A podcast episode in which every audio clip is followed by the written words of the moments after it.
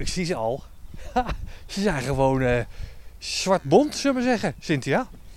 Nou, we hebben hier zwart bonte, maar er staat erachter ook één falen. Uh, ze komen oh, ook een beetje bruinachtiger. Ja. ja. die is wat lichter van kleur. En roodbont komen ze ook voor. Maar wat we wel het meest mooie vinden en wat ze dan ook meer onderscheidt zeg maar, van het gewone melkvee, als we eigenlijk wat meer van die fale dieren zeg maar, zouden hebben. De fale kleur. En dat kan dus heel licht beige zijn, of dat bruin, of inderdaad grijs.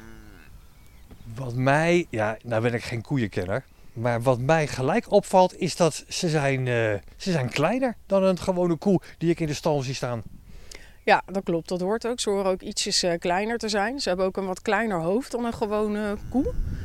Ehm, wat iets meer uitpuilende ogen. Wat ze, ja, ik vind dat dat ze wat meer aansprekender maakt. En ze hebben vaak een wat korter neusje, wat soms ietsjes omhoog staat. Het is eigenlijk een beetje vergelijkbaar met een ree. Als je kijkt naar de horens, dan hebben de meeste ook van die uh, mooie pigmentenpunten erin uh, zitten. Ja. En wat heel erg opvalt bij deze dieren, en dat is echt wel anders ten opzichte van melkvee, dat ze zo'n opliggend staartbeen hebben. Bijzondere koe. Ja, ik vind het een hele bijzondere koe. Maar ja, heel veel mensen zien het niet. Dus vandaar dat we wel naar de vale kleur terug willen.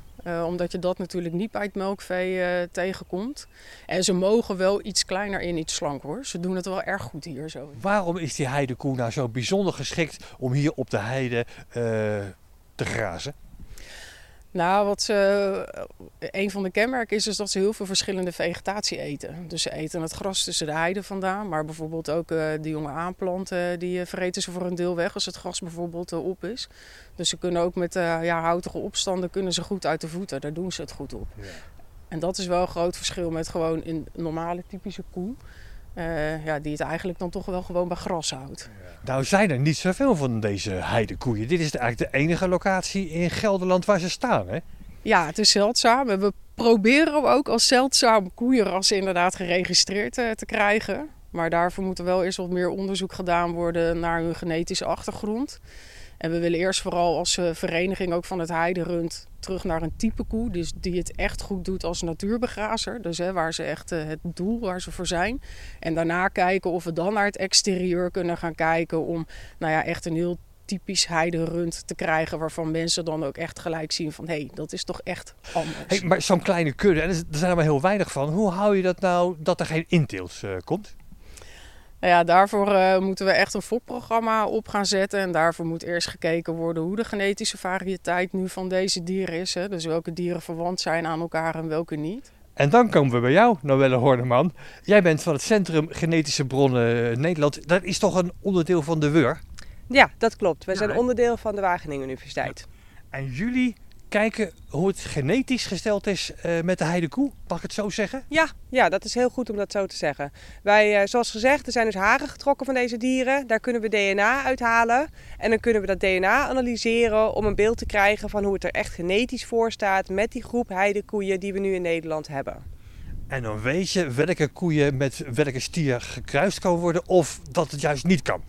Bijvoorbeeld, ja, we kunnen eigenlijk elke generatie of elk jaar kunnen we opnieuw kijken welke dieren het minst verwant zijn aan elkaar, zodat er die gepaard zouden kunnen worden en we het inteeltniveau laag kunnen houden.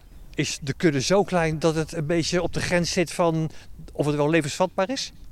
Het is zeker wel levensvatbaar. Dat niveau, dat niveau is er. Maar het is wel een groot risico. Het is, het is een kleine populatie. Zowel hier als ook in Denemarken is het wel een kleine populatie. Die ook nog wat is onderverdeeld in een aantal verschillende lijnen. Door de verschillende Deense fokkers die hun eigen visie hadden. Um, en we zien dus ook wel dat er tussen die lijnen dat er meer genetische variatie is.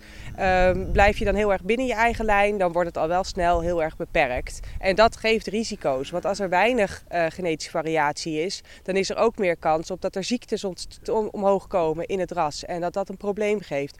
En ook als de omstandigheden veranderen, met klimaatveranderingen of met andere ziektes die we eerder niet hadden, zoals bijvoorbeeld nu de blauwtong die we hadden, dan zie je ook dat als je veel variatie hebt, dan kan zo'n populatie zich aanpassen aan de nieuwe omstandigheden. En daarmee maken ze, uh, maakt het gewoon een veel duurzamere toekomst voor dit mooie ras. Dus variatie, biodiversiteit is ook heel belangrijk in zo'n heidekoe. Absoluut, ja. Ik ben zo benieuwd hoe je dat bijhoudt. Gaan we zo meteen vragen.